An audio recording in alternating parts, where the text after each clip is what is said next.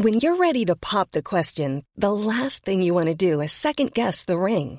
At Bluenile.com, you can design a one of a kind ring with the ease and convenience of shopping online. Choose your diamond and setting. When you find the one, you'll get it delivered right to your door. Go to Bluenile.com and use promo code LISTEN to get $50 off your purchase of $500 or more. That's code LISTEN at Bluenile.com for $50 off your purchase. Bluenile.com code LISTEN. I'm Sandra, and I'm just the professional your small business was looking for. But you didn't hire me because you didn't use LinkedIn jobs. LinkedIn has professionals you can't find anywhere else, including those who aren't actively looking for a new job but might be open to the perfect role, like me. In a given month, over 70% of LinkedIn users don't visit other leading job sites. So if you're not looking on LinkedIn, you'll miss out on great candidates like Sandra. Start hiring professionals like a professional. Post your free job on linkedin.com/people today. Hey, it's Ryan Reynolds, and I'm here with Keith, co star of my upcoming film, If, only in theaters, May 17th. Do you want to tell people the big news? All right, I'll do it. Sign up now and you'll get unlimited for $15 a month in six months of Paramount Plus Essential Plan on us. Mintmobile.com slash switch. Upfront payment of $45 equivalent to $15 per month. Unlimited over 40 gigabytes per month. Face lower speeds. Videos at 480p. Active Mint customers by 531.24 get six months of Paramount Plus Essential Plan. Auto renews after six months. Offer ends May 31st, 2024. Separate Paramount Plus registration required. Terms and conditions apply if rated PG.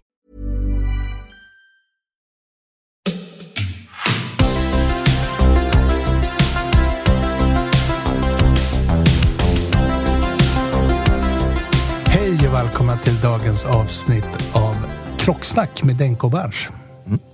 Härligt. Härligt. Idag ska vi prata auktioner. Vi ska prata auktioner med eh, de som kanske är bland de bästa på auktioner. Kaplans auktioner. Och med oss i studion så har vi Georgios Batsilas som är klockchef. Ja, det stämmer. Och Sanna Gränesjö som jobbar med klockor på Kaplans. Precis. Har du också någon sån här fancy titel? Nej, klockvärderare. Klockvärderare? Ja. Ja, det, men det är en fancy titel. Eller specialist kan man Ja, säga också. klockspecialist. Specialist, ja. Specialist. Och så är vi här också bara. Ja, vad har du för titel? Jag är bara Denken. Jag är bara spe- specialist jag också. Du är bara Jag vill också vara generalist Ja. specialist. Eh, Det är ganska bra. Berns kan allt, jag kan inget. Ja. Eh, Men det är väl lika bra att vi sparkar igång. Välkomna Georgios och Sanna och alla ni som lyssnar. Tack så mycket. Tack så mycket. Ska vi börja med och eh, Georgios, dig känner ju de flesta. Eller många. De flesta klockintresserade har ju någon gång stött på Georgios Batselas från Kaplans. Um, ehm, men vi kan väl ändå ge en liten så här snabb brief presentation av dig. Vem är du? Eh, precis. Eh, jag är Georgios Batselas. Eh, nej, men jag har varit på Kaplan sedan 2008 och eh, varit en del av klockvärderingen. Och 2016 så eh, blev jag chef för klockvärderingen och Sanna får berätta sin historia sen såklart. Eh, men hon har varit med längre än vad jag har och eh, hon var också en, en väldigt viktig del i den gruppen som vi startade då tillsammans och med några andra kollegor som fortfarande är kvar hos bland annat Christian eh, Blomberg och Mikael Norberg och Thomas Kärinen som är gruppen idag som den ser ut. Sen har det varit lite andra som har kommit och gått under de här åren. Ehm, så det är väl det, är väl det jag kan säga lite kort om mig. Sådär. Mm. Och Sanna? Sanna då eh, har varit eh, på Kaplans är jag i princip en eh, inventarie numera. Eh, jag gjorde min första sommar 2005. Ja. Mm. Eh, men jag började på visningen eh, och det var egentligen där som mitt eh, klockintresse startade. Jag tyckte ganska snabbt att klockaktionerna var det som var roligast och tog tillfälle att lära mig så mycket jag kunde. Sen jobbade jag på visningen fram och tillbaka. Blandade deltid och heltid medan jag gjorde lite annat. Eh, och 2013 så började jag på klockvärderingen. Eh, började med en hel del administrativt och har sen haft chansen att, att lära mig väldigt mycket på plats. Mm. Men då har du också jobbat med de andra delarna inom Kaplans? Absolut, jag har testat på det mesta. Jag har varit mycket på visningen framför allt. Eh, men jag har testat på nästan alla avdelningar. Jag har varit en sväng i butiken och en sväng i kundtjänst och eh, har ganska bra övergripande blick över företaget. Ditt, ditt klockintresse då? Hur, ber- berätta om det. Kommer du från en sån här urmakarfamilj och har vuxit upp i ett gökur höll jag på att säga. Eh, absolut inte. Eh, som sagt, jag, eh, jag gjorde min första sommar på Kaplans 25. Hade ingen koll på varken klockor eller smycken. Eh, utan fick en rekommendation ändå att komma och jobba lite extra. Eh, och det var där jag upptäckte klockor verkligen. Så det är tack vare Kaplans och, och alla de som har jobbat på klockvärderingen genom året som har byggt upp mitt intresse. Är det så att man, om man jobbar med klockor på det sättet, kommer in liksom eh, utan ett klockintresse och sen börjar bygga upp det. Blir man, är, är det liksom, känner du dig indoktrinerad av arbetsplatsen?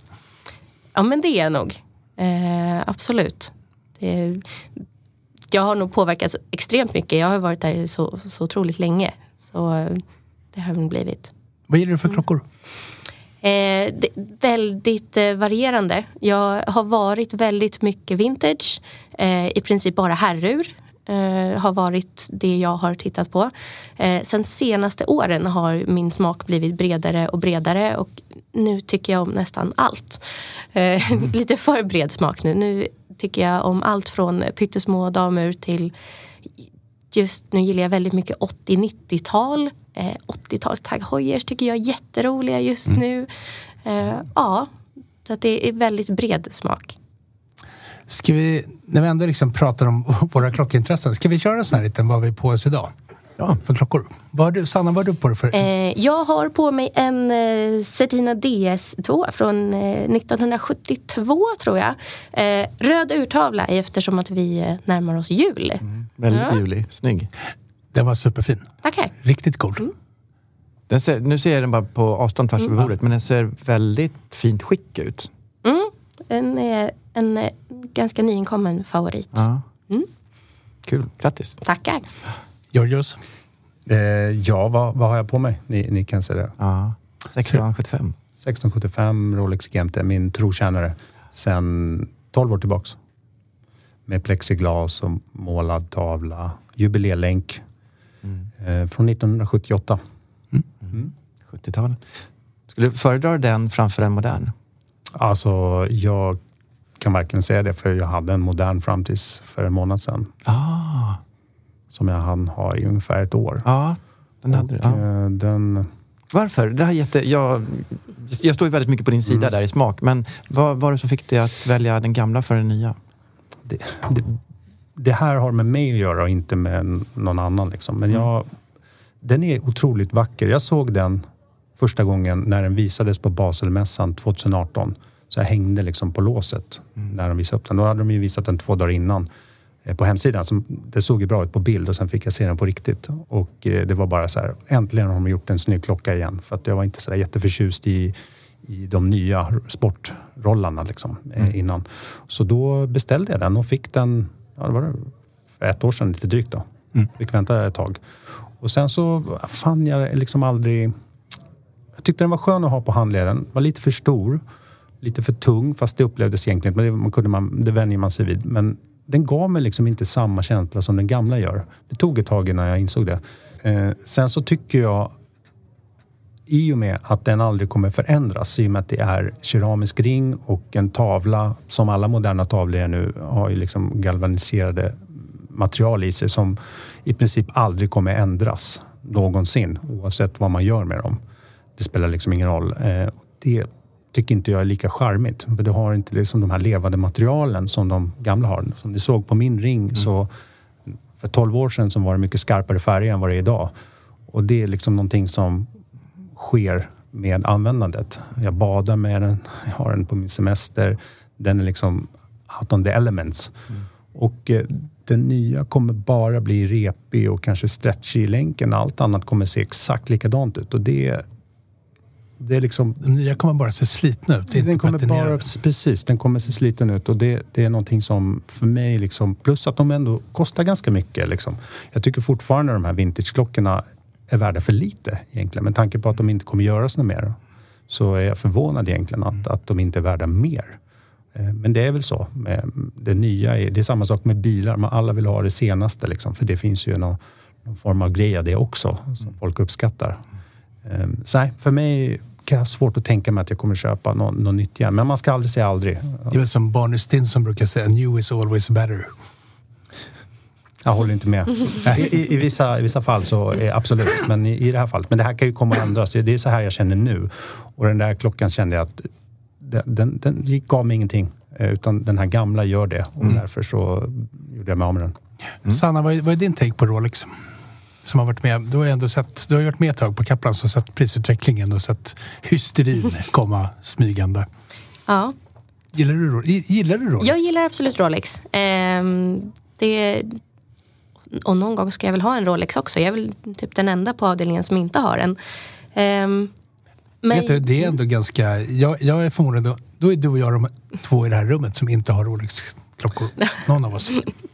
Eh, nej men jag är väl eh, lite grann som Georgios. Jag gillar ju också de äldre. Det är någonting charmigare med det här. Man kan se materialen förändras. Och det, de är också, som jag tycker, liksom nättare och skönare på handleden och, och enklare. En, det, är, det finns jättemycket fint med, med de nya som kommer men det är en annan charm med, med de äldre Rolex-klockorna.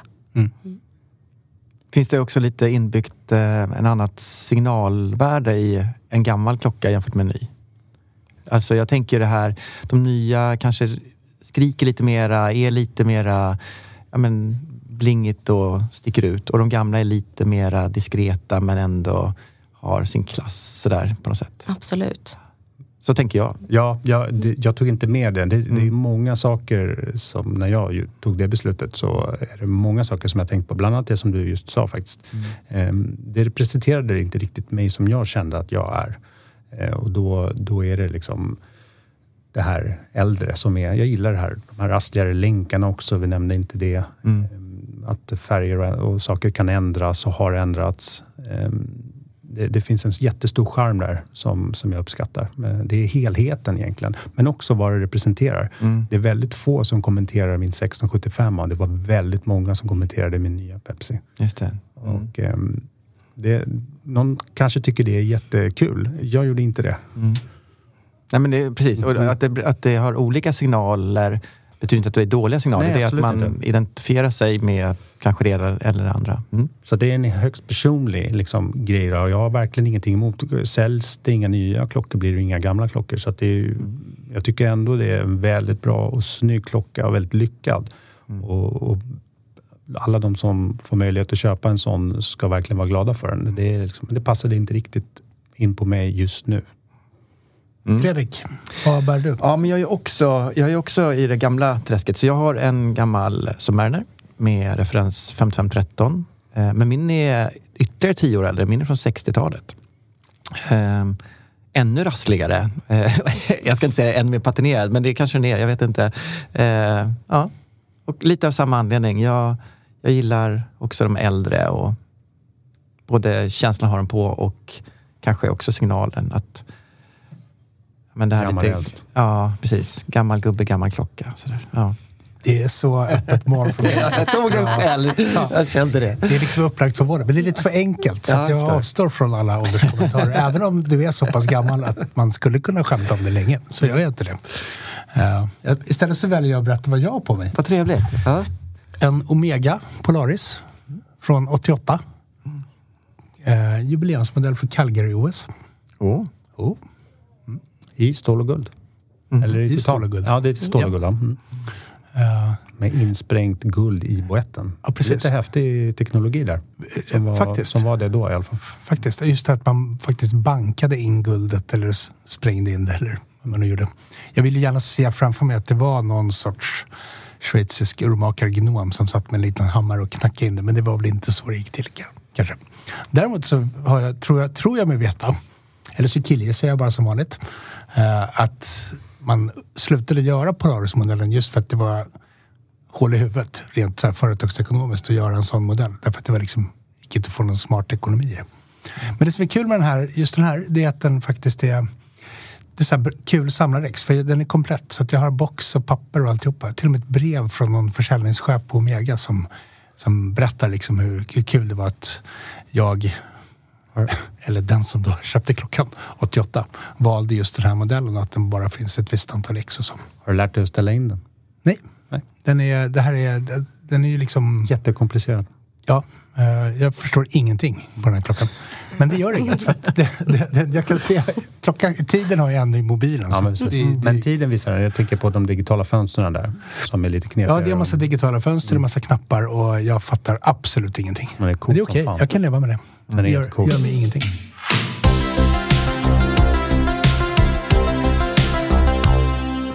Ska vi, ska vi eh, liksom trycka oss vidare genom dagens topics? Vi ska ju prata om tre saker faktiskt. Vi ska ju prata dels om, ska vi sammanfatta auktionsåret 2022. Vi ska prata damer faktiskt. Ehm, för det pratar vi lite för lite om. Eh, och sen så ska vi prata, göra lite trendspaning för 2023. Perfekt. Ska vi bara kasta oss rakt in Jag i tycker det. I auktionsåret 2022. Ja. Vi börjar där. Ja. Gjorde Susanna, hur har auktionsåret 2022 varit? Nej, men för oss på Kaplan så vi har väl haft ett eh, fantastiskt år tycker jag. Ehm, det har, vi har haft två klockkvaliteter som har varit våra bästa någonsin. Eh, med otroligt eh, intressanta klockor. Eh, och även eh, våra månadsaktioner däremellan har gått väldigt bra.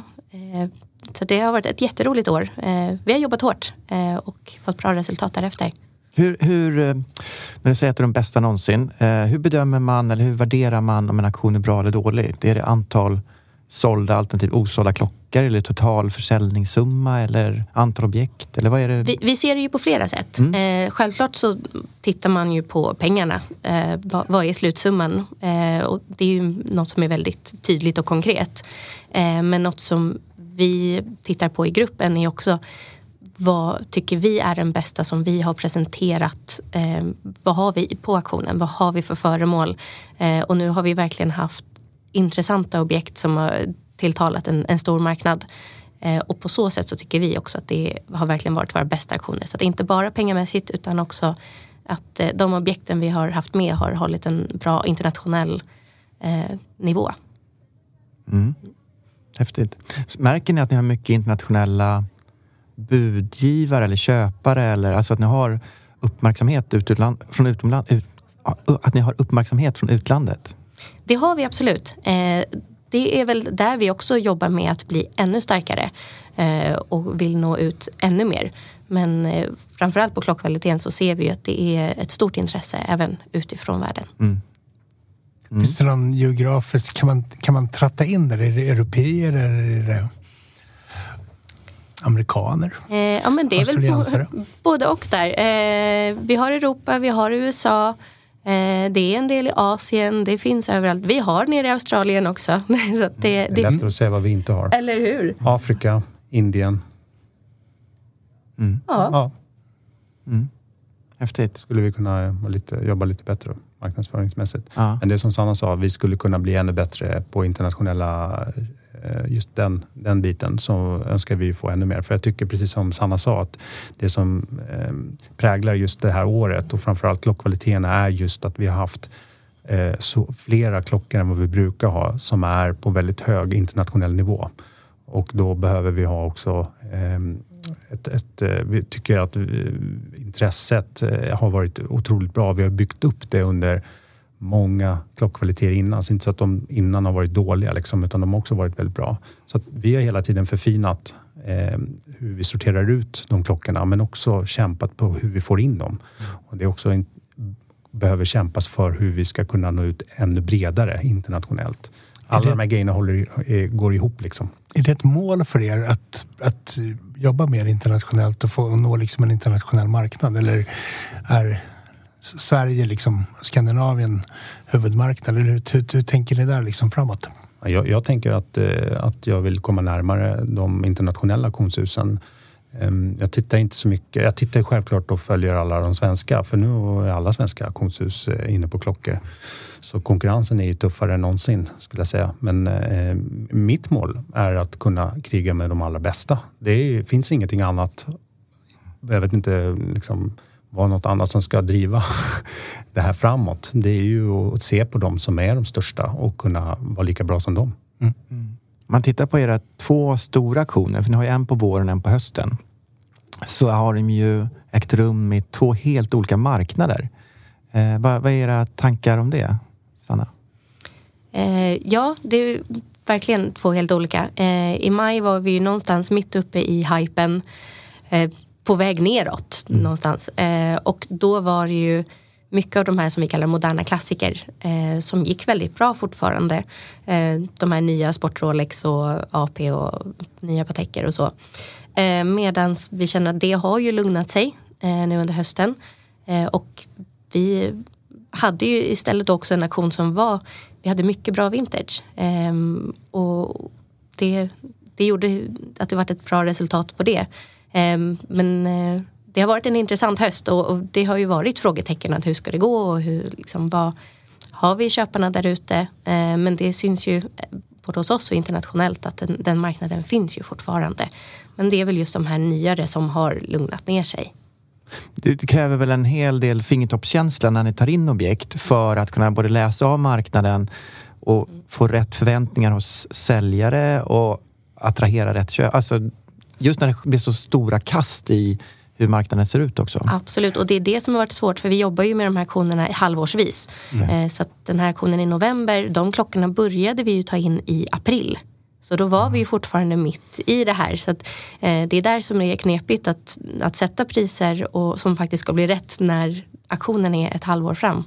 Mm. Märker ni nu när, nu har det ju varit ganska tydlig gräns tycker jag i alla fall i att det var alla var ganska, trots oroligheter i världen så var folk ändå ganska positiva framåt sommaren.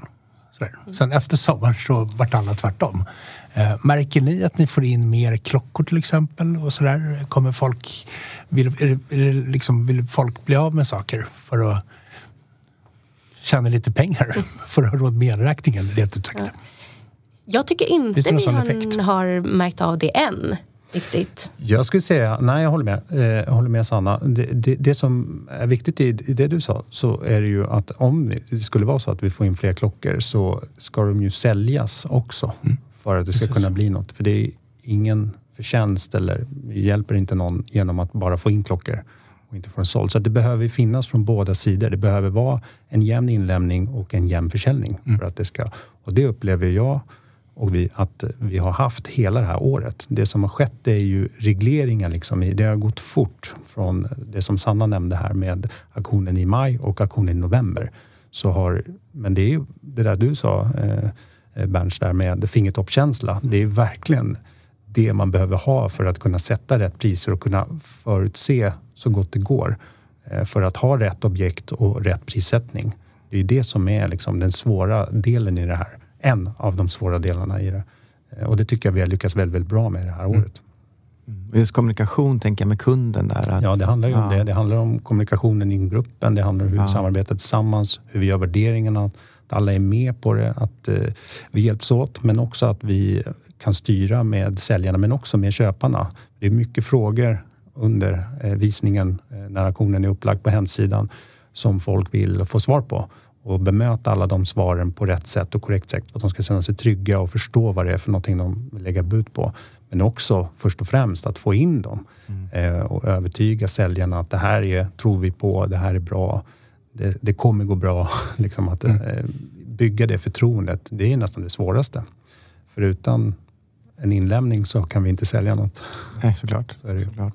Finns det några trender eller sådär som du har sett under året som har gått? Jag tänker liksom på vad PVD-ade klockor har gått oväntat bra, exempelvis. Eller något sånt. Finns det någon, har ni sett om jag skulle göra en trendspaning bakåt? Det är väl, eh, alltså den stora trenden har väl varit Cartier. Mm. Eh, de har ju fortsatt att bara växa och växa. Ehm, det tycker jag både på, på dam och herrsidan så är det ju ett märke som har liksom vuxit explosionsartat som vi kan se. Ehm, annars så, eh, nej det bra grejer. Att det är, mm. det är bra skick det handlar om. Det är det som har varit fortsatt. Um, det är nog där som det är den starkaste trenden. Är inte det också lite klassiskt när mm. en marknad viker oavsett vilken bransch det är. Så det som fortfarande kan stå starkt, är det som har kvalitet. Eh, när en marknad är som hetast, då springer alla nästan lite blint eh, ofta åt samma håll. Eh, och då spelar inte kvalitet lika mycket roll. Då är det kanske mer att man ska bara få tag i ett objekt. Men just nu när det är lite mer kärvt på något sätt, då är det kvalitetsobjekten eh, som fortfarande kan, kan bära rätt pris då. Ett bra exempel på det är ju när Hoyer gjorde sitt eh, genomslag kan man säga på vintage Hoyer där 13, 14, 15 och eh, där så såld, var det liksom priserna var ju referensbaserade, inte skickbaserade. Och sen kom det i kapp och då var de inte värda lika mycket de som var i sämre skick. Det var väldigt stor skillnad. Men fram tills dess så såldes allting för jättehöga priser procentuellt sett än vad det bara hade varit precis innan. Mm. Så att säga. Det är ett bra exempel på det att där började folk se liksom att okej, okay, den här är, tavlan är si och så, den här boetten är si och så. Innan så kollade man bara på referensen. Liksom, att det var en... Just det där hojersprånget är ju det är min nemesis. Men de är fortfarande, bra hojer är ju fortfarande värda mycket pengar. Ja. Eh, och det, det håller ju i sig. Medan eh, lite sämre, och det gäller ju nästan alla märken, men just hojer gjorde ju en väldigt sån stor liksom, eh, vad ska man säga, det exploderade. Ungefär som, som med Cartier. Fast där är det lite annorlunda skulle jag säga. Där är det inte lika viktigt med, eh, på, det, på samma sätt. Eh, för de Cartiererna är ju lite nyare Cartier generellt sett mm. än vad, vad hojarna är. Då. Just hojar var väl, jag, det jag reagerade på med hojar, det var väl att det gick så otroligt fort. Ja, det gick, För det gick verkligen från... Från ett år till ja, ett annat. Eh, ja, alltså det var ja, bara ens ett mm. år. Jag ja, men precis. Jag... Månader var det i mm. princip mm. som det bara slog Det var ju alla auktionshus som gjorde samma sak samtidigt kan man säga. Och eh, det ena liksom sköt upp det andra så, så höll det på så. För jag är ju lite bitter kring just hojar. För jag, jag flippade ju två stycken hojers ur min samling Precis innan. Precis innan, på hösten innan mm. de här riktiga liksom, supernoteringarna kom. Mm. Uh, det var lite lustigt. Mm. Jag tror att, ja, det var kul. jag så på allvar. För köparna var det kul. För köparna var det kul. Ja. Men jag var också nöjd, för jag, gjorde, jag åkte ju med lite grann. Sådär. Ah, så du, slapp, jag, okay, du fick inte pika, men du slapp den värsta botten där. Eh, ja, men jag köpte nog in liksom på den, men det här var ju så länge sedan. Alltså, det var, ni vet när... Det närmar sig tio år, tio år nu. Ja, men, ja, men för, tio, alltså, för det var ju en helt annan marknad för tio år sedan. Ja, verkligen, det var ju liksom... En Rolex kostade 5 000. Kanske inte var. Men nej, det, var, det var ju en helt annan marknad. Det var inte alls de här hysteriska prisbilderna. Och en, en Hoyer kronograf, en vanlig sån här... Eh, det var ju inte, alltså runt 10 000.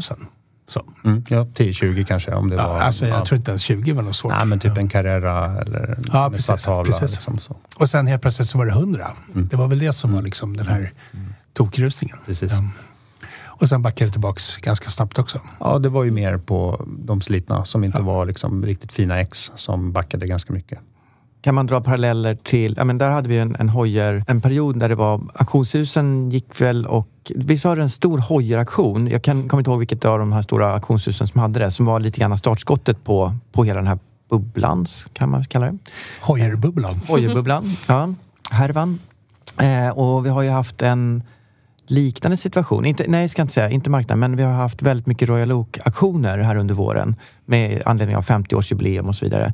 Eh, och där... Speedmaster-aktioner har vi också haft. Ja, just det. Speedmaster har funnits. Precis, den hade väl också lite mm. samma effekt? Att eh, ja, ja, lite, upp och punkade ja, ner lite, lite, lite grann. Eh, och är det någonting vi kan förvänta oss av Royal Oak nu? Det är en bra fråga. Det har jag inget svar på. Eh, men det finns ju ganska många klockor ute och de mm. har gjort en hel del. Liksom. Och, och eh, det regleras ju lite grann. Liksom. Men det är också där med skick och dokumentation och sen mm. när vi pratar, jag menar Royal Oaken kommer 72 så det är inte jättelänge sedan egentligen om man ser till till exempel Hoyer som har sin historia från 60 och 70-talet. Mm. Ehm, men just de eh, Royal Oaken från 70-talet, de ser vi ganska sällan utan det är ju mer 80, 90 och kanske 2000-talet. Fortfarande ganska nya klockor mm. som vi inte vet hur många det finns av. Men ehm, jag tror fortfarande de kommer ligga på en hög nivå. Men i vår såg vi ju de kanske pika eh, tillsammans med många andra märken som Patek och Rolex också. Mm. Så det har väl stabiliserats lite men det är fortfarande höga priser och det beror ju på vad man jämför med. Just det, just det. precis. Apropå temaaktioner, Tudor Black Bay, det lär ju vara, ett, ett, det lär ju vara en modell som man kommer kunna köra temaaktioner på om för där tio år. Hur många har de gjort? Ja, det måste ju vara hundratals. Modeller alltså? Modeller. Modeller. Varianter. Mm, varianter, ja. ja. Mm. Eller? Ja, Snint. Du såg så här skeptisk det, här, det här är också din gamla käpphäst. ja, ja, men jag måste, ibland måste man ju recycla lite sådana gamla... Jag, måste, jag håller med dig eh, där. Men jag tycker också att eh, Tudor har gjort, är faktiskt ett väldigt, väldigt trevligt Absolut. märke just nu med både hur de designar dem och också prissättningen och vad man får. Eh, verkligen. Eh, ingenting jag intresserar mig för att köpa till mig själv men jag kan se det som ett otroligt bra liksom, Ja, absolut. Jag, för- jag håller helt med dig. Jag, så att jag tycker Black Bay har, det är ju en modellserie som har utvecklats från att vara Precis. stora Speciellt- klockor i väldigt många olika färger till att vara en, en, en liksom fullödig modellserie med, med något för alla. Verkligen. Och rikt, några modeller är riktigt, riktigt bra. Så att, nej men absolut, tumme upp. Verkligen. Ehm, men om vi ska titta på liksom lite konkreta höjdpunkter under 2022. Om ni skulle välja ut några klockor som gått på auktion 2022 hos er. Ehm, Eh, men jag kan väl börja med damur då. Ja. Eh, för det eh, hade vi nu eh, på klockkvaliteten här i november. Hade vi en, eh, just en Cartier Panter som gick otroligt bra. Eh, det var fantastiskt trevlig klocka. Helguld med en väldigt speciell diamantsättning på den. Och det vart ju lite av en raket på auktionen. Och jag tror att det kan ha varit den klockan som hade flest individuella budgivare. Det var väldigt många som var intresserade av den. Eh, så det var en, en jätterolig klocka att se att den gick så bra. Eh, jag tror att den börjar någonstans runt... Strax, ja, nej, jag tror att den börjar nere 39-40 någonting. Ja, och slutar väl på... Den klubbades för 165. Ja. Eh, Så det var lite budkrig där. Det var jätteroligt. Mm. Häftigt. Ja. Mm. Joris, har du något? Ja, det finns ju många. Eh, vi hade ju, senast nu hade vi ju två Paul Newman eh, Daytona som jag tycker var jättekul. Men eh, vi hade också en historisk klocka som jag tycker var en bland de roligaste vi någonsin har sålt faktiskt på Kaplan. Så det var ju den här Pateken 1504, referensen, som var då det i stål. Det exemplaret som är det femte som någonsin säljs på en auktion någonsin alltså i, i världen. Och det, det tyckte jag var otroligt kul att få in och den fick jag också kämpa väldigt hårt för att, eh, att få in också under lång tid med den säljaren. Eh, Så det kändes extra bra. Och, och, ehm, eh, Den gick, den gick ju också väldigt bra. den gick bra. Jag tror det var en miljon 280 Ja. klubb, kan det stämma? En miljon Ja, 100, en miljon 120, in, ja, där någonstans. Där Och någonstans. tror på 280, 250? Ja, precis. Det var ju det. Och eh, det var ju ett försiktigt... Det var ju så att den här tavlan var inte det bästa skicket. Det var ju ganska dålig faktiskt. Men där är det ju en sån klocka som faktiskt tål att renoveras upp. Eh, annars brukar vi inte rekommendera det. Men det är, den var ganska dålig. Så att där, där kan en, till exempel en Patek, alltså fabriksrenoverad urtavla ändå bidra med väldigt mycket för att den är så pass historisk. Eh, och Påverkar en sån fabriksrenovering, om man, givet att man gör en, hos fabriken och tillverkaren själv, hur påverkar det värdet någonting? Jag tror att det i det här fallet skulle vara positivt. Om man nu hade gjort eh, en, eh, om man nu vet om historiken bakom så är det liksom, men det är som om man hade tagit en, en historisk bil som är gammal och som har slitits ganska mycket och, och kanske inte går att köra med. Då får man ju renovera den. Liksom. Men om, om då är, det här är en Porsche och det är Porsche-museet som gör den renoveringen med originalritningar med, på det bästa sättet som går att göra så blir det en kvalitetsstämpel på den här bilen. Att den är i princip som ny fast den är renoverad. Och, och det tror jag ändå den som kommer uppleva den här bilen ändå kommer uppskatta. Lite grann samma sak, även fast det här inte är en bil. Så är det så ska du leva med den här ganska tilltufsade urtavlan på en så häftig modell, då kan det lika gärna renoveras. Liksom. Eh, och, och det tror jag ändå i det här fallet skulle hjälpa den faktiskt lite grann. Och det här är nog första gången du har rekommenderat en renovering någonsin. Verkligen. Det, jag vill vara tydlig med att generellt sett så är inte det något som, som man vill.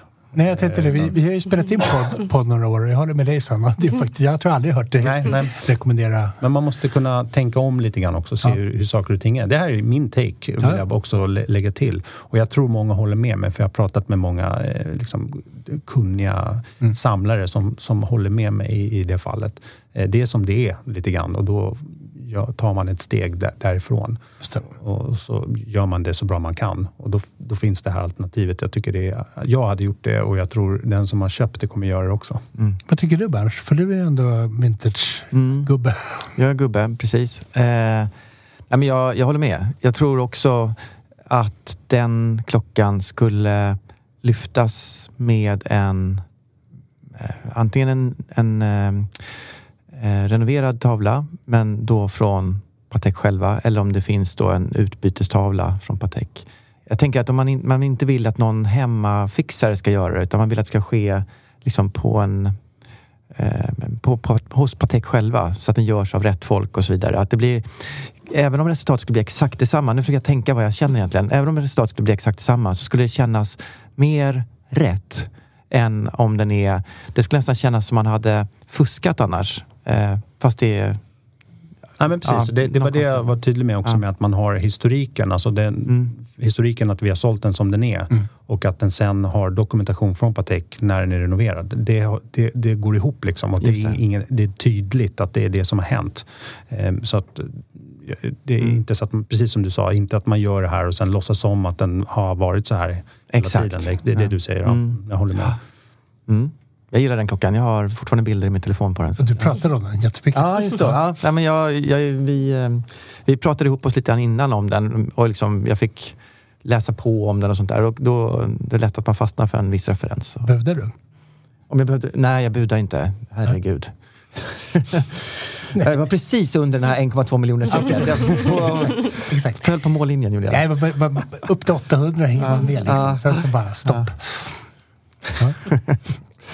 Mm, ja, kul. Det är, ju, det är ju häftiga summor. En miljon kronor för en klocka. Det är ju det är häftigt, faktiskt. Oavsett klocka, tycker jag. Har vi något annat då? Det var två jättebra exempel Ja, på bra... men precis. Det, det finns ju många exempel. Nu var de här alla från den senaste. Nu tog ingenting från, eh, från Mayakornen. Ehm, där hade vi också väldigt mycket. Men det var precis som Sanna nämnde innan med mycket nyare klockor där. Det var en hel del vintage också. Men vi tyckte vi... Det var det som gällde då också. Det var liksom mer på tapeten då. Eh, och priserna var väldigt höga. Så det kändes ändå rätt när vi hade den auktionen att vi hade med de här klockorna eh, som var liksom mycket upphaussade prismässigt. Eh, så där, där är det lite svårare att välja eftersom det ser lite annorlunda ut nu.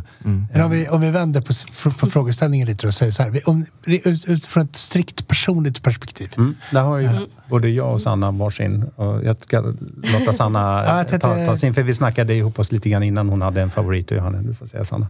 Alltså, allt oaktat. Mm, Liksom. det här är bra- det här. Det här är bra. Ekonomiskt och så. Ni, får, ni, ni, har, ni har ett obegränsad, en obegränsad limit att handla klockor för. Vilket, vad skulle ni valt ur någon, någon valfri auktion under året?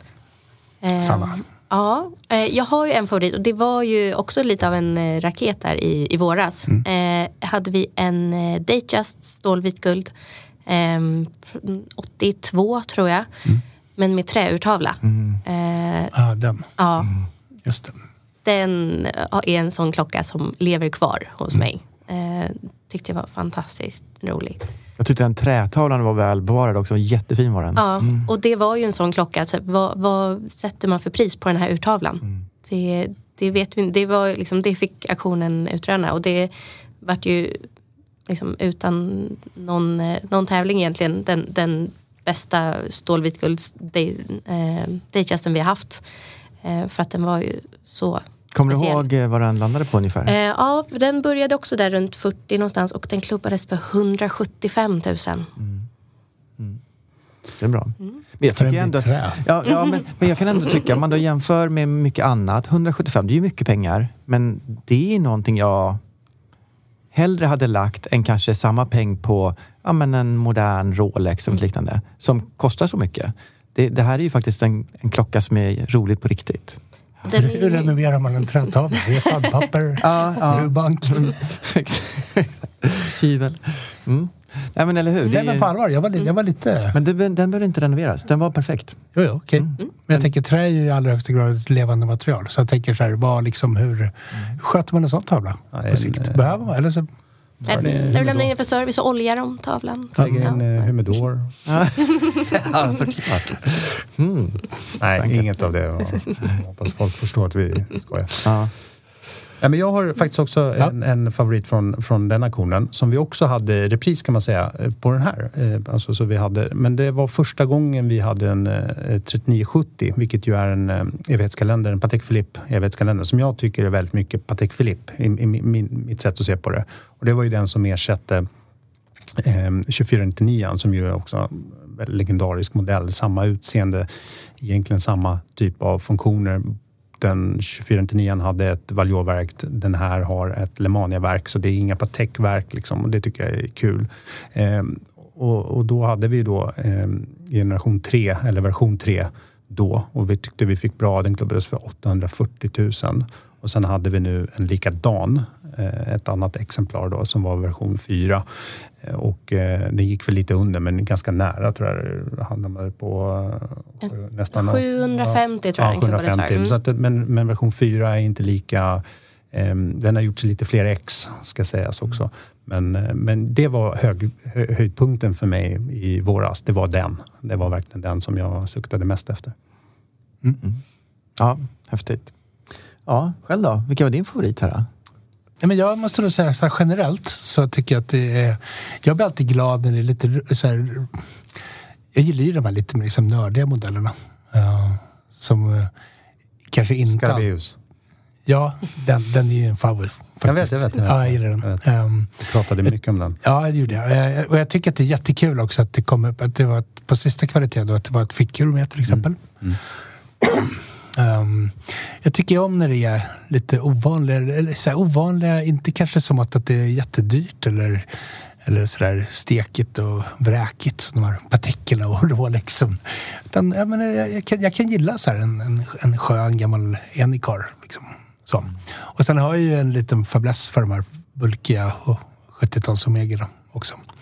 Så att, eh, jag, jag, så att egentligen så tänker jag, istället för att plocka ut en favorit så måste jag nog säga att jag tycker att det är kul att på kvalitetsaktionen att det finns eh, lite andra klockor än the usual suspects. Det tycker jag är, för mig är det lite kvalitetsmarkör faktiskt. Att det finns, att det, det går även att hitta sånt. Och de är ju alltid väldigt väl valda tycker jag. Så att kudos till det. Du då Berns? Ja, eh, jag tror... Det måste vara ska- fest för dig jämt. Ja, det är fest för mig jämt. Eh, men om jag ska tänka på något som jag har liksom fastnat för under året då är det kanske inte någonting från någon kvalitetsaktion utan jag tror att det är mer en månadsaktion. Eh, och då är det nog en Breitling Emergency. Eh, och där är, jag är ju en väldigt lättpåverkad person. Eh, så eh, eftersom Georgios har en sån och jag har sett den så många gånger så den har liksom växt på mig varje gång. Så att någon gång kommer jag köpa en sån. Eh, faktiskt. Jag tycker att de är jättehäftiga på något knäppt sätt. Ja. Det är, så, det, det bästa du kan säga eh, för att få mig att bli glad. Nej, men när man kan påverka någon utan att, att påverka någon, så att säga. Bara genom, så det är Mm. jättehäftigt att få höra faktiskt. Ja. Do it. Ja, jag får Do it. till. Ja, ja. Så, så rycker vi den här larmgrejen Ja. i, i studion. Ja. Ja.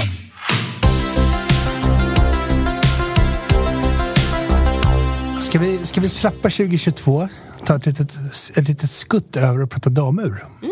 För det, jag tycker att det är superintressant. eh, ur massa aspekter. Absolut. Ehm, Sanna, Ja. berätta för oss om damur. Nej, men jag tänker, hur, hur, hur, hur, hur, tänk, hur ska man tänka kring damur? Är det, liksom, är, det, är, är det ens relevant att prata om herrur och damer? Jag tänker många tillverkare är ju helt sådär inte... Uh, de har släppt damlinjerna utan tänker att våra klockor är för alla så gör de dem i olika storlekar. Medan andra håller kvar vid att göra specifika. Vad, Jag eh, tycker det är en lite komplicerad fråga och jag har mycket känslor och tankar och så om det. Jag tycker att det är lite svårt med just det här att det ska vara damur och herrur. Jag, jag kan tycka att det är roligare att dela upp det i kanske smyckesur och liksom sportur och, och vad man nu kan hitta för kategorier. Eh, för det är lite trist att eh, man ska peka ut att men, kvinnor ska ha små klockor med diamanter. Ungefär. Det, det, för det är väldigt mycket så som marknaden Hej, jag Ryan Reynolds. På Mint Mobile, we like to do the opposite of what Big Wireless does. They charge you a lot, we charge you a little. So naturally, when they announced they'd be raising their prices due to inflation, we decided to deflate our prices due to not hating you. That's right. We're cutting the price of Mint Unlimited from $30 a month to just $15 a month. Give it a try at mintmobile.com slash switch. $45 upfront for three months plus taxes and fees. Promo rate for new customers for limited time. Unlimited more than 40 gigabytes per month. Slows. Full terms at mintmobile.com. Hey, it's Ryan Reynolds, and I'm here with Keith, co star of my upcoming film, If, only in theaters, May 17th. Do you want to tell people the big news? All right, I'll do it. Sign up now and you'll get unlimited for $15 a month in six months of Paramount Plus Essential Plan on us. Mintmobile.com slash switch. Upfront payment of $45 equivalent to $15 per month. Unlimited over 40 gigabytes per month. Face lower speeds. Videos at 480p. Active Mint customers by 531.24 get six months of Paramount Plus Essential Plan. Auto renews after six months. Offer ends May 31st, 2024. Separate Paramount Plus registration required. Terms and conditions apply if rated PG. marknaden ser ut. Eh, och jag har inte upplevt det själv men jag har fått höra från många att det är liksom kvinnor som går in i klockbutiker så blir man liksom lite bortföst mot den här hörnan där det är ja, men du ska ha en batteriklocka för att det, det är enklast så. Och här är det är lite strössel och grejer. Så att, um, och jag tycker att uh, ja, men det, vi börjar någonstans ändå komma från till att kvinnor vill kanske ha lite större eh, ur. Och marknaden har väl också eh, fångat upp det. I, jag tycker att tillverkarna gör en, en större bredd på damuren ändå. Att det, de görs i mer sportiga varianter och, och allt vad det kan vara. Eh, men det känns lite förlegat att dela upp det i, i damer och herrur. Eh, jag, är, jag är själv med i en eh, WhatsApp-grupp med, vi är nog hund, strax under 200 kvinnor mm. eh, internationellt sett som eh, snackar klockor Um, och mm. det är en stor liksom, fråga som, som diskuteras ofta. att Varför eh, ska vi hela tiden liksom, tryckas åt sidan? Att det, vi ska bara ha damuren. Eh, det, mm. Mm, det är ett väldigt stort ämne. Vad, vad beror det på då? Är det liksom, är det, för att klockbranschen i sig, den är, som jag upplever är väldigt konservativ. Mm. Uh, och är, är, är, hänger det här kvar sen förr och juvelerartraditioner och sådär? Ja men det liksom? är väl lite så. Uh, om man kollar utvecklingen av armbandsur. Det kom ju från, ja, men om man kollar kriget och sen så, igen och sen så var det de har ju verkligen varit verktyg. det har varit för att dyka eller för att flyga eller för liksom olika saker. Och det har ju varit männen som skulle göra det. Mm. Medan kvinnorna kanske behövde en, ett litet mer smycke. Uh, att det var så man såg på det. Och som du säger, klock branschen är konservativ och att det hänger nog mycket kvar i det. Eh, så att det, det tar tid att, att bryta igenom de här normerna. Eh, och om man tittar idag så är det ju också att det är kanske större chans att du ser en kvinna med en eh, Rolex-sub på armen eh, mot att du inte ser en man med eh, en liten Bulgari Serpenti eller någonting sånt. Mm. Eh, och därför så är det så tråkigt att varför ska då damur vara små? Mm. Mm. Exakt, det är, det är nästan tvärt... Eller jag tänker så här, en tjej kan ju bära alla klockor. Precis. Alla kan bära alla klockor. Ja. Jag, jag ska inte dra för mycket fördomar men det är ju lättare för en tjej att ha en, en sub mm. än vad det är för en kille att ha en, en liten 31 mm klocka. Eh, lättare för... Mer accepterat. Ja, kanske så. Mm. Man ska säga. Ja. Så att egentligen är ju er er marknad är ju större. Absolut. Och jag tänker för de som säljer klockor så borde ju ni vara då en eh, viktigare målgrupp. Mm. För ni har ju hela spannet som ni kan eh, ja, använda. Absolut. Om jag ser till mig själv personligen så har jag ju i princip bara så kallade herrur. Mm. Eh, det, för att jag trivs inte i liksom, mindre klockor. Mm. Eh, sen ska, kan det inte vara liksom, för stor och bulkigt heller. För att jag, men att men det beror väl på att det helt enkelt bara är för stort? Ja men precis. Liksom. Ja. Mm. Men att som personlig preferens så trivs inte jag i dem. Jag gillar ju de här små liksom, smyckesuren och, mm. och tycker de är fantastiskt charmiga. Eh, och jag jobbar lite på, jag, jag provar dem hela tiden mm. Eh, så för att liksom vänja mig vid det. För jag tycker att det skulle vara kul att ha någonting sånt också. Men det är ju många kvinnor idag som faktiskt inte trivs i, i de här liksom, stereotypiska damuren. Jag kan gilla damer alltså som, som klockintresserad. Mm. jag tycker att, man, att tillverkarna gör om nu ska prata om så här, traditionella damer, mm. smyckesur. Kan vi, använder smyckesur var ett mm. bra, jättebra ord, um, begrepp. Uh, jag tycker att tillverkarna är roligare när de gör smyckesur. Mm. Därför att där tar de ut svängarna mycket mer. Vilket gör att, tycker jag i alla fall, uh, slutresultatet blir ofta mycket mer intressant och roligare att titta på. Mm. Så att om jag skulle bygga en samling med hundra klockor så skulle jag nog ha vilket jag kanske nästan har. Nej, men jag, jag, jag, tänker så här, om jag skulle börja från scratch och börja bygga en samling så, och med, med precis det jag ville, då mm. tror jag att det skulle slinka med ett annat smyckesur. Bara för att, inte för att jag kanske skulle använda det. Jag är 1,93 mm. så att så här, små klockor passar inte alltid på mig. Men, men för att det är fint att, de är fina att titta på. Jag tycker att de är liksom spännande och kul och schyssta. Absolut. Snygga. Och de har ju en viktig del i, i klockbranschen liksom, och eh, på marknaden. Men det är väl just det att man vill kunna bredda det och att kvinnor ska kunna ta en lite större plats i, i klockvärlden. Så.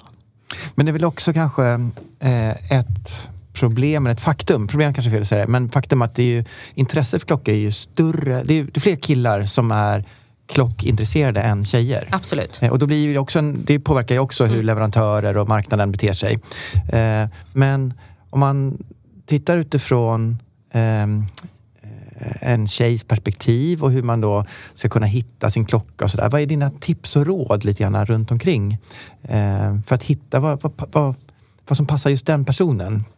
Ja, det är väl att man får ju utgå från tycke och smak och vad man trivs i.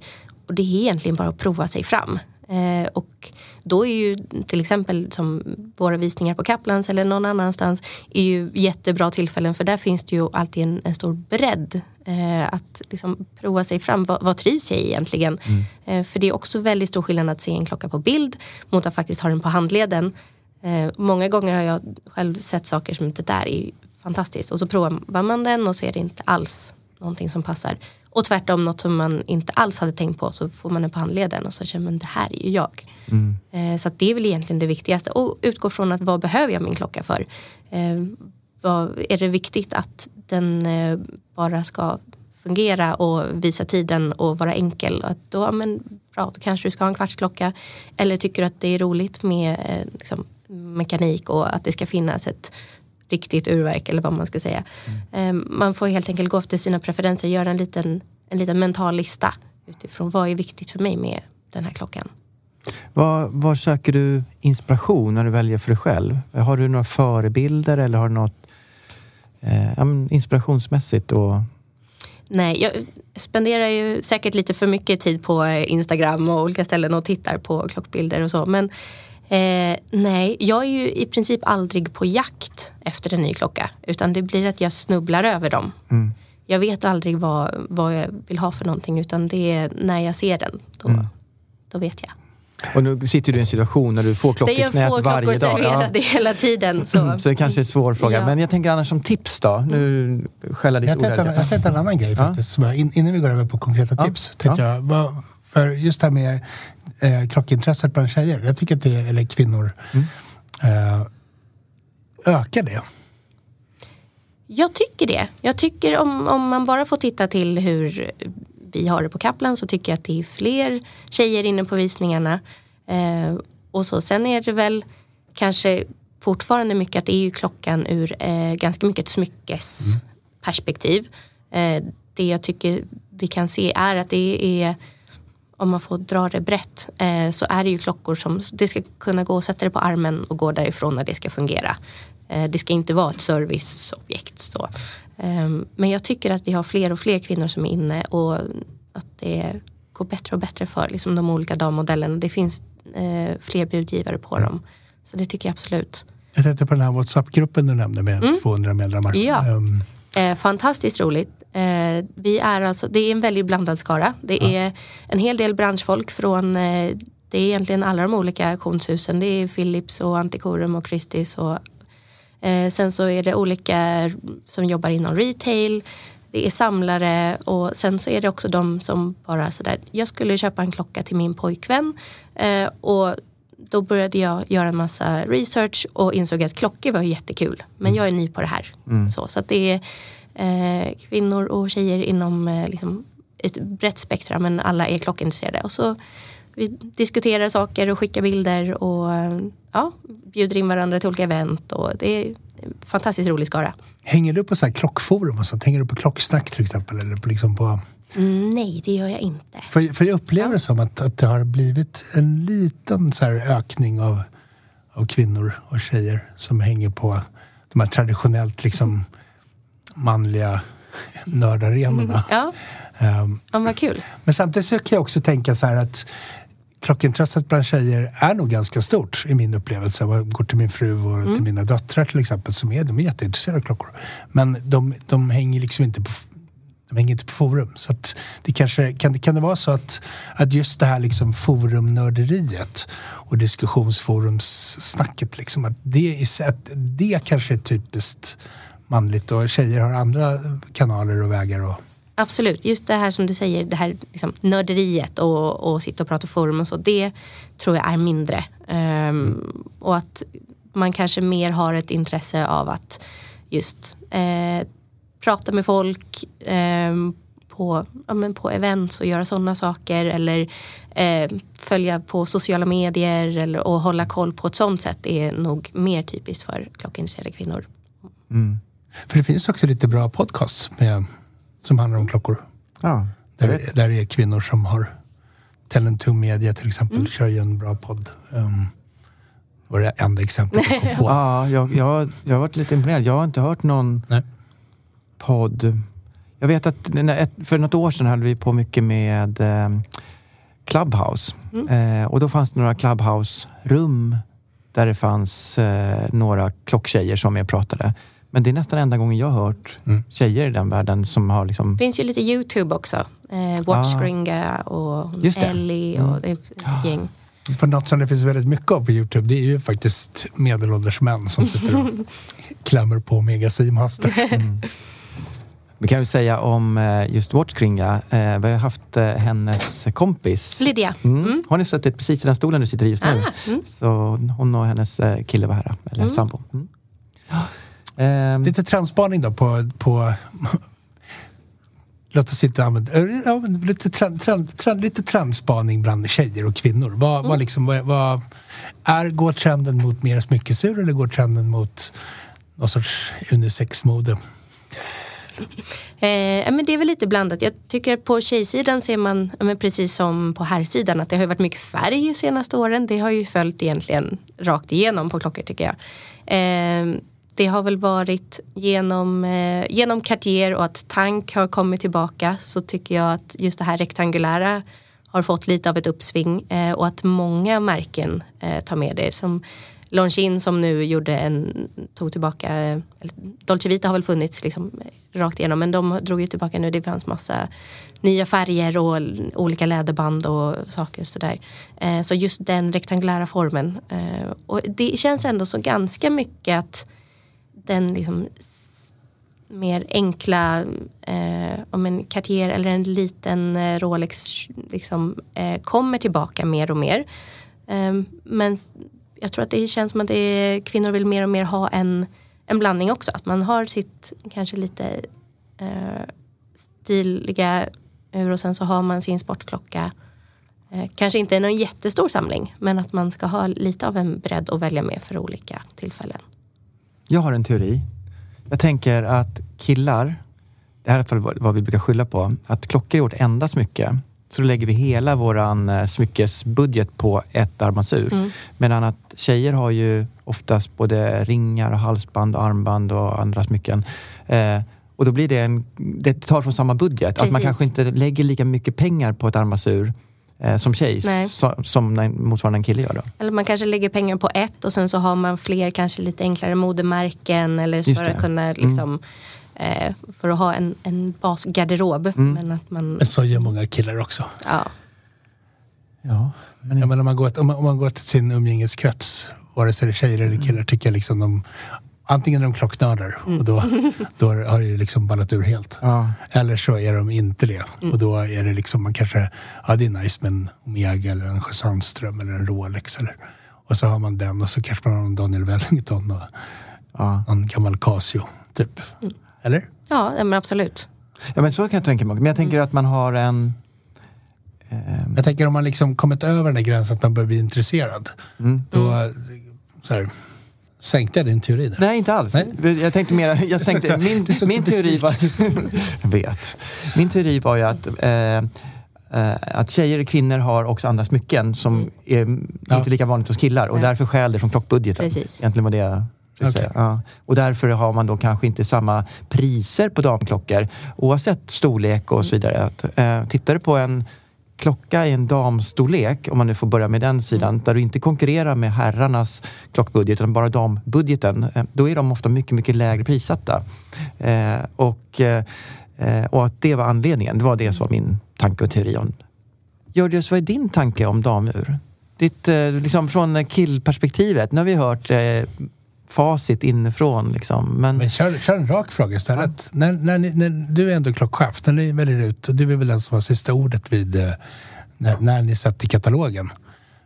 Uh, finns den aspekten med? Att det ska finnas en representation av klockor med en kvinnlig målgrupp? Eller liksom hur... hur Ja, ja, absolut. eller går Alltid. objekt före kön? Mm, Ja, objekt går före kön. Men det är också viktigt att kvot- kvotera in också några och då har vi ju alltid ganska mycket att välja på. Men vi, vill, vi har aldrig haft en klockkvalitet utan ett damur. Utan det är oftast ett par stycken och vi vill gärna få, det, få fler av dem. Ehm, Så, så eh, det, det är viktigt för oss. Eh, Och det tycker jag vi, Sanna sa precis som en Cartier Panter som vi sålde. Det var ju liksom den raketen på just den auktionen av alla klockor. Och då hade vi tre eller fyra damur, nå- någonting i den stilen. Inte, inte så många av totalt 104 klockor tror jag vi hade totalt sett. Så eh, nej, men min, min spaning alltså, var jättebra det Sanna sa tycker jag. Men det har också att göra med lite grann hur man har designat klockor. Det har ju varit liksom att man gjort ett härur först och sen gjort en mindre. Och så har det varit eh, vad man tycker, alltså tillverkarna tycker att en kvinna ska ha. Så att eh, nu tycker jag att man ser att man designar direkt till kvinnan. Mer än vad man gjorde. Och Cartier är ju ett väldigt bra sånt exempel. Väldigt feminina former. Som också nu uppskattas av män.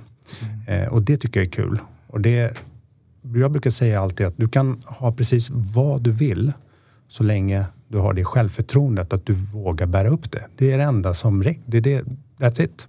Eh, känner du, jag hade på mig min tjejs Cartier i tre dagar. Jag var till och med ute på Rish med den Åh. Mm. Ja. en fredagkväll. Och den är jätteliten. Alltså bandet kunde jag ha sista hålet. Och jag tyckte, den växte på mig. Jag tyckte faktiskt den var snygg. Alltså pytteliten klocka. En eh, tank eh, i förgyllt silver. Med manuellt verk. Jag vet inte, hur stor kan den vara Sanna? Är det ens 15 millimeter i diameter? Ja, något sånt. Alltså jätteliten. Och jag tyckte det var fantastiskt. jag skulle kunna ha den hela veckan liksom. För att jag tycker det är en vacker klocka. Och den bar jag upp med mitt självförtroende, att jag tyckte om den. Medan omgivningen brydde jag mig inte om vad de tyckte, men en del tyckte det var konstigt. och då pratar jag om män, inte, inte kvinnor. Så att det, du kan ha det du vill ha, så länge du har bestämt dig för att det är det du vill ha. Våga tro på dig själv, kör på det, vad den är för någonting. Man eller kvinna. Bra. Bra sammanfattning av damur. Eller? Av en man. Nej, men jag håller med. Ja, men, för det, damur är ju fel, fel begrepp. Nej, men så är det ju. Alltså, nej, men så är det ju. Så, Men, men Sanna, jag tänker på, ty, tycker du att katalogerna är tillräckligt representativa? Eh, jo, men, Eller spelar det ingen roll kanske? Alltså, alltså, jag tycker inte att det spelar någon roll. Eh, just för att jag struntar i om det står herrur eller damer. Det är, så att på så sätt så tycker jag inte att det spelar någon roll. Det, är, det handlar mer om att vi ska ha in klockor som, som passar på den nationen. Eh, och sen är det såklart roligt att man får in en bredd eh, och att vi får in några damer då. Eh, men sen så spelar det inte så stor roll egentligen. Inte för mig.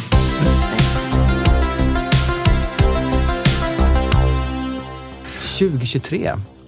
Vad ser ni i kristallkulan när vi tänker framåt? Vilka trender kommer lyfta och vilka trender kommer, eller vilka, eh, vad kommer krascha? Och, men jag tror ju på att det, det kommer fortsätta vara de, de bra objekten. Eh, så om man tittar på mm, för auktionerna. Att det kommer vara det kommer fortsätta vara skick, skick, skick. Det är det vi kommer kolla på.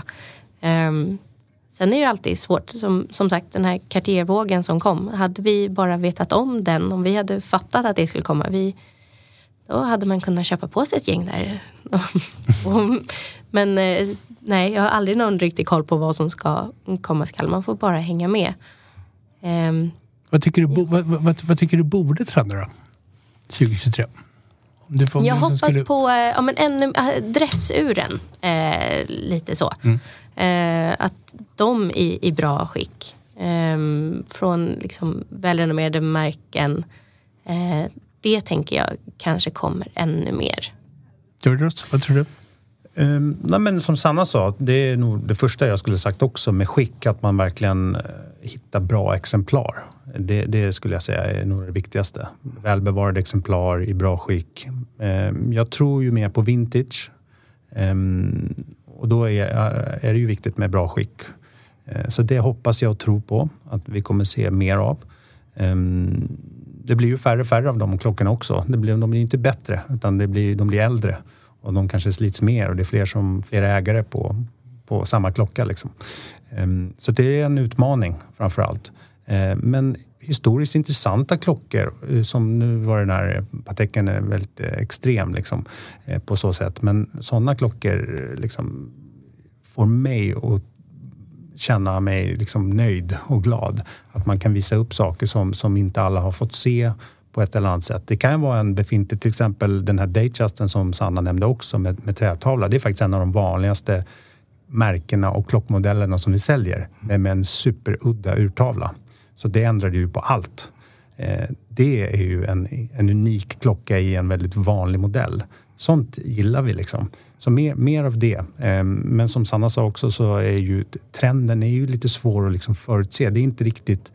Det är vårt jobb men samtidigt så har vi ju klockaktioner varje månad och vi hänger med liksom brett på alla andra auktionshusen. Och det är svårt att missa liksom trenderna när de dyker upp. Om vi är en vecka sen eller en månad sen gör inte så mycket. Mm. Utan vi, vi, hänger med liksom i de svängarna. Så att, eh, så att jag aldrig tänkt det på det sättet om vad som kommer gälla. Men ja. Någonting, någonting. Vad vill du ska bli? Mm. Vad tycker du borde trenda nästa år? Tänker du specifikt något märke eller modell eller typ av klockor? Nästa år är det liksom... Cartier-tank på män.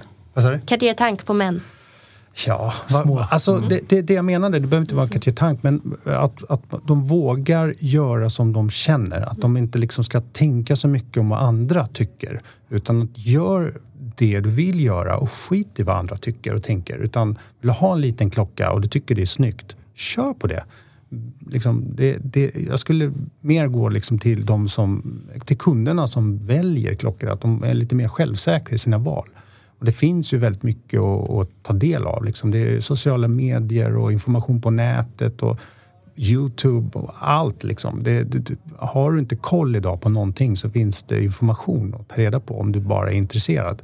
Eh, och lyssna på folk som, som har, har koll eller som jobbar med det på ett eller annat sätt. Liksom.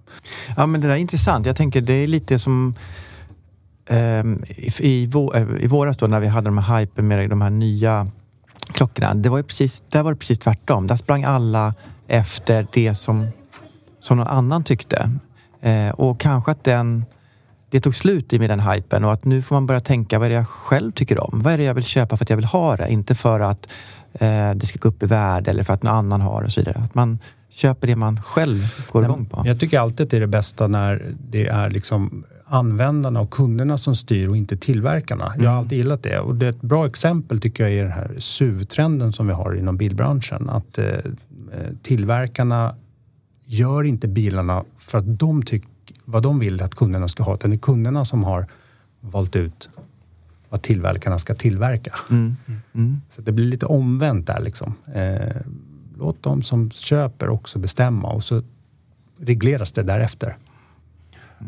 Berns, vad din trendspaning för 2023? Ja, jag har tänkt på det här. Jag har tänkt så här. Jag, eh, det jag tycker jag hör det är att vintage kommer tillbaka. Eh, det kanske är för att jag själv tycker om vintage och man är lite selektiv i vilken information man tar till sig. Men jag tycker också att man hör mycket att både vintage och independent går lite hand i hand. Båda kräver ganska mycket kunskap för att förstå eller kunna, fast kanske på lite olika sätt. Sådär. Eh, det ena kanske är att förstå hur det ska se ut i vintersvärlden, för mycket byts ut. Medan independent är kanske förstå lite grann vad, vad de står för, de olika märkena och, och så vidare. Men det som jag tror kommer trenda är istället det här, vad kallar man det för, neovintage eller halvgammalt. Mm. Det som är säg sent 80-tal, 90-tal, kanske till och med början på 2000-talet. Först och främst tror jag att det är klockor som håller de, de är mycket nyare, så de är fortfarande många fräscha exemplar. Men de har slutat tillverkas, så att du har ändå den...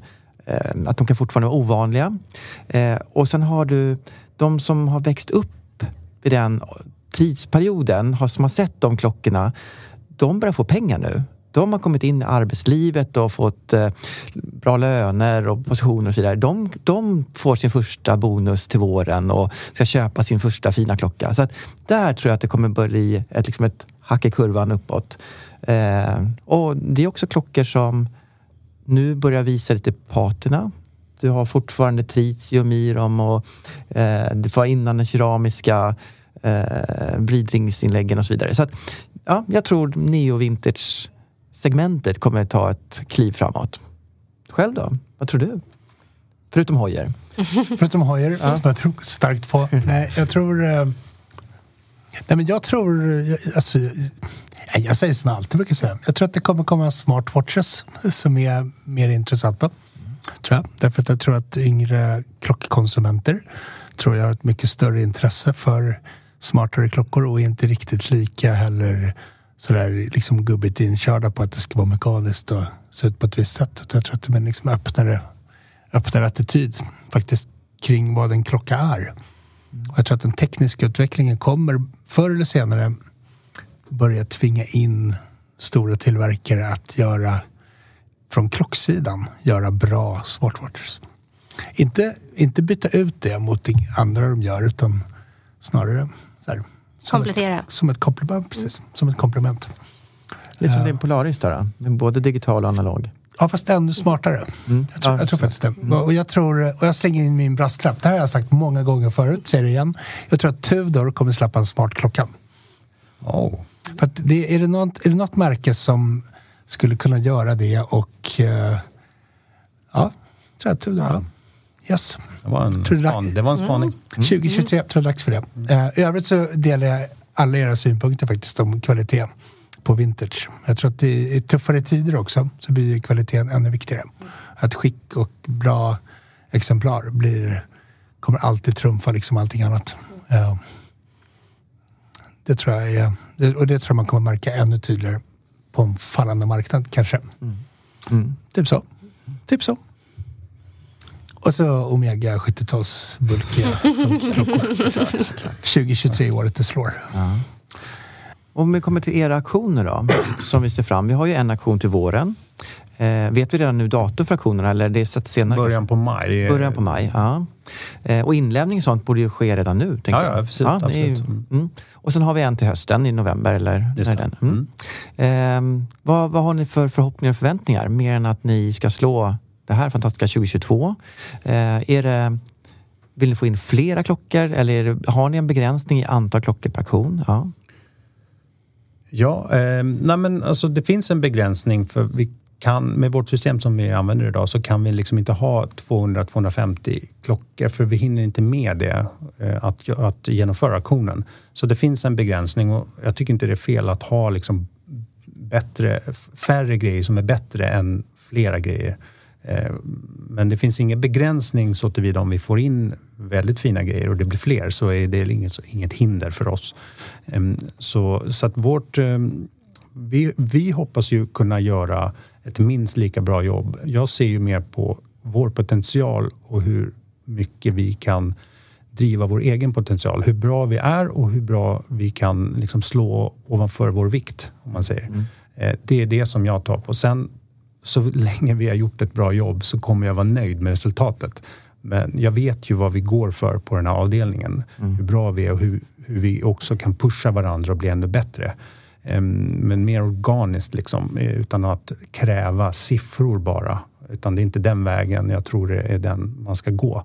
Utan att eh, fortsätta och jobba hårt med att ge bra service, att göra bra värderingar, att ha bra magkänsla och fingertoppskänsla för att kunna göra det ännu bättre eh, än vad vi har gjort innan. Det kommer vara liksom, eh, den drivkraften som jag och jag hoppas gruppen också går in i nästa år. Eh, så så att det, det, det blir vad det blir, men vi kommer göra vårt bästa. Det, Vad, Sanna, har du några tankar om de här kommande aktionerna eller förhoppningar? Eller? Mm, nej, jag tror Georgios eh, sammanfattade det väldigt bra. Eh, Det, vi ser fram emot vad vi kommer få se under året helt enkelt. Det är alltid spännande. Vi vet ju inte från en dag till den andra vad vi kommer få se. Vilka klockor som kommer hamna på vårt bord. Eh, och det är det man ser fram emot. Att, vad, vad blir nästa träurtavla? Ja. Det var nästan, nästan min fråga. Om du skulle beställa fram en klocka, du fick bara drömma och plocka ur, ur eh, hatten sådär. Vilken skulle du vilja få in på auktionen? Är det en till träurtavla som, som skulle vara det roligaste eller är det något helt annat som du inte haft hittills? Åh, vilken bra fråga. Ehm, Svår. Ja, Ja. jättesvår. Ehm, något som eh, både jag och eh, de andra på avdelningen tycker är roligt är ju när det finns en historia bakom klockan. Så det är väl egentligen det. Att få in en, en ny klocka med rolig proveniens oavsett vad det är för någonting. Man vill såklart att det ska vara en, en rolig modell eh, på klockan också. Men att få in någonting med en bakgrund. Där man kan eh, men styrka, liksom, vad har den här klockan varit med om? Mm. Det, det är någonting väldigt speciellt. Så vi skulle vilja få in, eller ni skulle vilja få in eh, eh, kungens klocka, någon astronaut eller någon äventyrare eller någon eh, världsrekord. Ja, världsrekord eller racing. Ja. Eller som vi hade nu, den senaste aktionen, där vi hade en eh, för detta stridspilot och flottiljchef som hade köpt en Speedmaster. Eh, som han valde att berätta sin historia. Vi, vi frågade ju honom givetvis. Och, eh, det var ju, var ju min kollega Mikael Norberg som hade kontakt med honom och eh, jag vet att han verkligen uppskattade hela kontakten med honom och hela processen. och sen är det kul för oss också för vi känner ju med det här. Tänk, det är ju så. Det är ju någonting som inte liksom en klocka som ändå är intressant kan eh, ge liksom mer än historien efter den som har haft den. Eh, och den, den är ju den historien. Och, och det är ju ashäftigt. Speciellt vi ser oss själva som eh, liksom grabbar och pojkar som eh, känns som att den här var ju den coolaste snubben i klassen och vem vill inte alla känner igen sig i det tror jag, att det fanns alltid någon jävel som var coolare. Eh, och den vill ju alla vara med. Eller hur? Och, och det blir ju inte coolare än att vara stridspilot och ha kört 10G med den här eh, klockan. Liksom. As you do. När man är stridspilot. Ja, coolt. Ja, nu kör vi julklappstips tycker jag. Bra. Ja.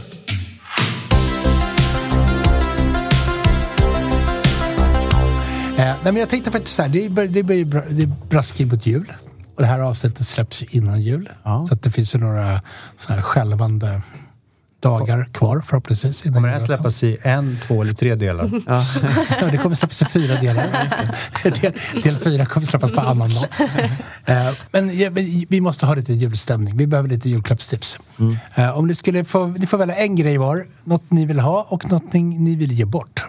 Pratar vi klockor eller pratar vi Nej, vad som allmänt? helst. Vad som Ah, helst. okej. Vad som helst. Vad som helst. Vi börjar med, vi börjar med Georgios. Jag vill ha en Ferrari 360 manuell. Ja. Det har jag önskat mig för det har, frågan har faktiskt ställts. Och jag vill ge en Moonswatch. Mm. Jag vill ge bort en Moonswatch och jag vet till vem jag vill ge den till. Vet du vilken modell på Det Moonswatch? spelar faktiskt ingen roll. Jag tror, det här jag kan säga, det är, det är min morbror eh, som jag tycker väldigt mycket om. Han är en väldigt fin människa. Och, eh, han, eftersom jag jobbar med klockor så, Georgios kan du inte fixa en klocka till mig? Ja. Och eh, där tror jag, eftersom jag känner honom, så tror att det här skulle passa honom bra. Jag tycker att det, från början var jag ganska tveksam till den när den kom, men nu, nu så di- diggar jag mer. Jag tror inte han skulle gilla en rosa eller eh, gul eller något sånt där. Så det får bli någon mer traditionell färg. Kanske den svarta tror jag skulle passa honom bäst. Men du vet ju hur det är om man ska mm, köpa en sån. Den behöver finnas i kiosken och eh, du behöver vara där på rätt, rätt eh, timing och så vidare. Så att det är inte så lätt. Men jag har lite bekanta som ska resa lite grann så jag hoppas att eh, de kan fiska upp en sån. Mm. Bra. Får väl, du får väl göra någon sån här shout-out och be om hjälp här i podden. Det finns säkert någon som är ute på någon flygplats och där de har en eh, eh, Då vill de säkert köpa den till sig själv, för man får ju bara köpa Ah, en klocka också. okej. Det är ju det per person. Så visst, absolut, om gärna vi, om någon vill hjälpa till så skulle jag verkligen uppskatta det. Men, men annars så får jag fixa det på egen hand. Liksom. Bra. Bra present. Sanna? Mm. Men jag önskar mig nog ändå en klocka. Eh, jag har insett att min, eh, min klocklåda är ju väldigt mycket stål. Jag behöver en guldklocka. Mm, Bra. Ehm, och eh, jag har varit inne på just att jag skulle ju ha en Rolex egentligen. Eh, men det slog mig också att jag skulle vilja ha en eh, Omega Constellation Manhattan. Nu blev jag glad. Ja, jag blev, ja. Kroppen. Grymt. Och så tänker jag dessutom skulle det då kunna vara en årsklocka. Det hade ju varit liksom stjärna i kanten. Det, det hade jag velat ha. Men Shit det- vad coolt val. Bra val. Det är sånt där. Det är verkligen... Förlåt, men jag gillar, jag gillar ju sånt. Ja. Eh, och som jag fortsätter på, på klocktemat så eh, min snart fyraåriga dotter önskade sig häromdagen en blå klocka. Jag känner att det, det borde jag ju faktiskt kunna lösa. Hon vill ha en blå klocka som matchar hennes frostklänning. Att, eh, Jag tänker ju då Moonswatch. Ja, jag, tänkte, jag tänkte mera en, en Tiffany Patek där. Ja, men absolut. Ja, Fast de är lite det- turkosa, det kanske inte gills. Jo då, hon, hon, har, eh, Turkos okej. hon har frostklänningar i alla blå nyanser så att Perfekt. någon kommer ja, passa. den skulle klä henne. Ja. Ja. Nej, alltså där säger jag veto faktiskt. Den, den, den Tiffany turkosa skär sig mot frostklänningen. Jag, har- jag har tre döttrar. Fyra har jag till och med. Fem. Hur många har jag egentligen? Mm. Där, där vill jag säga bestämt nej faktiskt. Ja. Den eh, Ja, du har, du har Nej. provat själv. Det, klä, det skär sig. är provat själv, det skär sig. Ja. Men bra tänkt ändå. Ja, Alltså, så här, man försöker ju. ja. Mm. Ja, och du då? Denke? Vad, är ditt, vad önskar du dig till jul? Åh. Nej, men vet du, jag är så tråkig. Jag önskar mig faktiskt ingenting. Nej. Jag önskar mig teckningar från mina barn. Ja. Faktiskt. På klockor?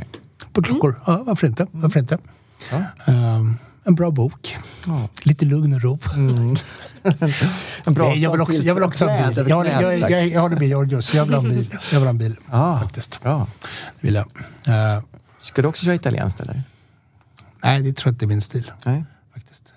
Ehm, eller jo förresten, jag vill ha en Maserati GT. Lite Det är coolt. med några år på nacken. Ja, ja, ja. Jag vet jag vet du menar. GT-vagnar är mer min grej än sportvagnar. Jag, är så, jag är så lång. Ja. Så att, eh, jag ser lite fånig ut i en sån här liten... ja. Sitter i baksätet Ja, liksom. eller en Lamborghini Countach. Ja. Säger man Countach eller Countach? Countach. Countach. Jag, har, ehm, jag kan påminna mig sen så. Så fixar vi en sån. Ja, jag, jag, har, jag, jag, jag kan berätta sen. Ja. Eh, det vill jag ha. Ja. Och jag vill, vad, vad vill jag ge? ja, det är ännu mer viktigt. Mm, jag, vill ge jag vill ge en varm stickad ullpläd. Inte stickad, men en varm ullpläd vill jag ge till någon jag tycker om. Min fru. Ja, bra. Hon, hon önskar sig det. Ja, och, det hon, hon lyssnar inte på podden så jag kan prata om det. Ja. Eh, jag ska fixa det till henne. Men jag måste hitta liksom rätt Men- modell. Det är väl årets julklapp, var det inte det? Det här hemstickade. Så att jag Ja, tycker inte att du ska hitta det. Jag tycker att du ska sticka. knyppla. Okej, Ja. då har jag... Du har några dagar på dig. Ja. Då, ja, precis. Det kommer jag aldrig hinna. så att jag tänkte jag får nog leta en. Mm, du, har ju, du har ju massa döttrar som kan hjälpa dig med lite barnarbete. Ja, ja, bra tänkt. Börjar varsitt Bra tänkt. Ja. Eh, nej, men en ullpläd. Eh, ja, det blir det. Bra. Berns? Oh, här sätter lite press. Ehm, jag vet inte, jag, jag tänker en, en bra... Jag skulle vilja ha en fin klocklåda. Alltså, en... Ja, jag, jag har tänkt på det länge. Jag, en sån här, eh, en, kanske en tre klockor, fyra klockor som är sådär... Någon fin klocklåda, det, det skulle jag önska mig. Läder eller trä? Jag vet inte, kanske... Det behöver inte ens vara lock på den sådär. Eller det behöver inte vara någon som så här, ser ut som en humidor eller någonting. Utan en, en, en låda, fin låda med... Som kanske är lite färgglad eller lite rolig. Ja, det tror jag. Kanske något man kan göra på träslöjden? Ja, och syslöjd i en kombination kanske med kuddarna där. Ja, det kanske... Tänker du har barn också? Ja, massa barn jag också. Ja.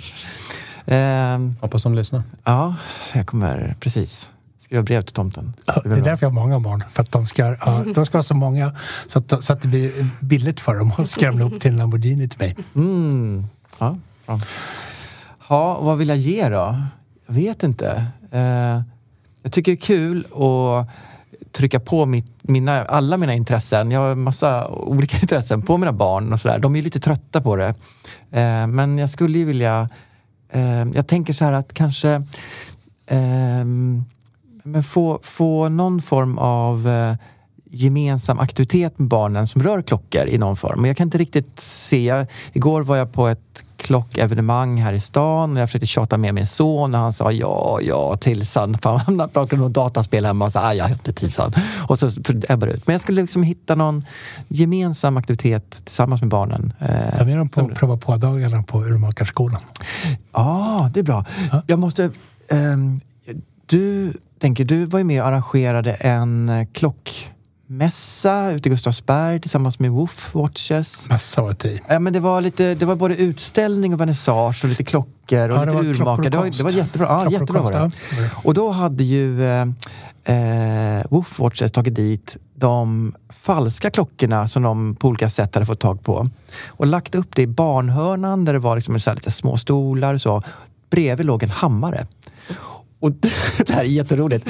Så, då hade jag, eh, jag tror mellan tjej var med, eh, så att hon gick lös med hammare på de här falska klockorna och slog sönder. Vilket var meningen då, att falska klockor är inget bra. Det var barnhörnan. Ja, det var barnhörnan. Lekhörnan för barnen. På riktigt. Eh, sen blev jag ju livrädd när jag liksom har lärt henne vad man ska göra med klockor. så jag vet inte om det var bra i längdloppet. Ja, det är därför du la en klocklåda. Exakt, ja, med lås kanske. Ja. Eh, Men det tycker jag var roligt. Det var en, det var en klockrelaterad aktivitet. Ja. För Ja, barn också. fint. Fint. ja, väldigt kul. Lite aggressiv aktivitet Ja, kanske. ja, vad bra tankar Chris där på, på Wolves Watches. Ja, det var det. Ja. det, var det.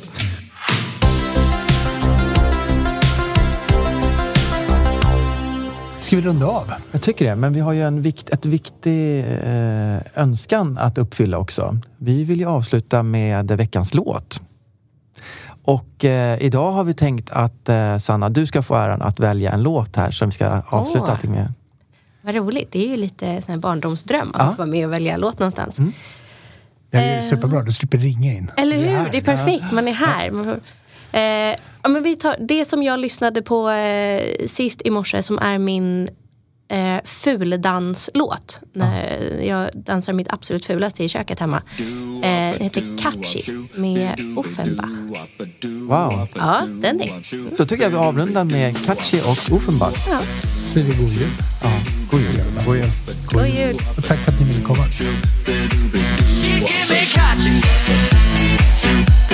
Well,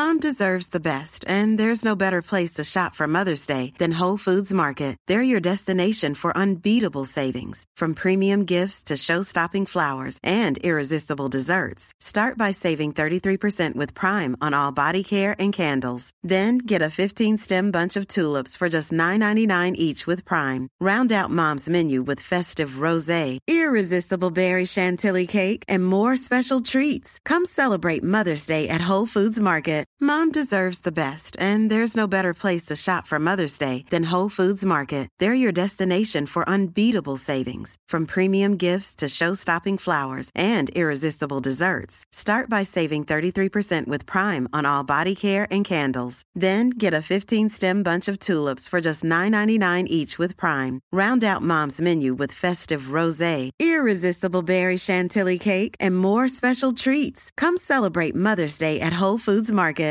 Planning for your next trip?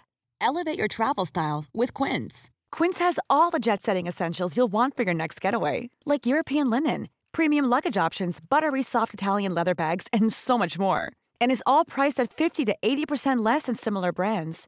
Plus, Quince only works with factories that use safe and ethical manufacturing practices. Pack your bags with high-quality essentials you'll be wearing for vacations to come with Quince. Go to quince.com slash pack for free shipping and 365-day returns.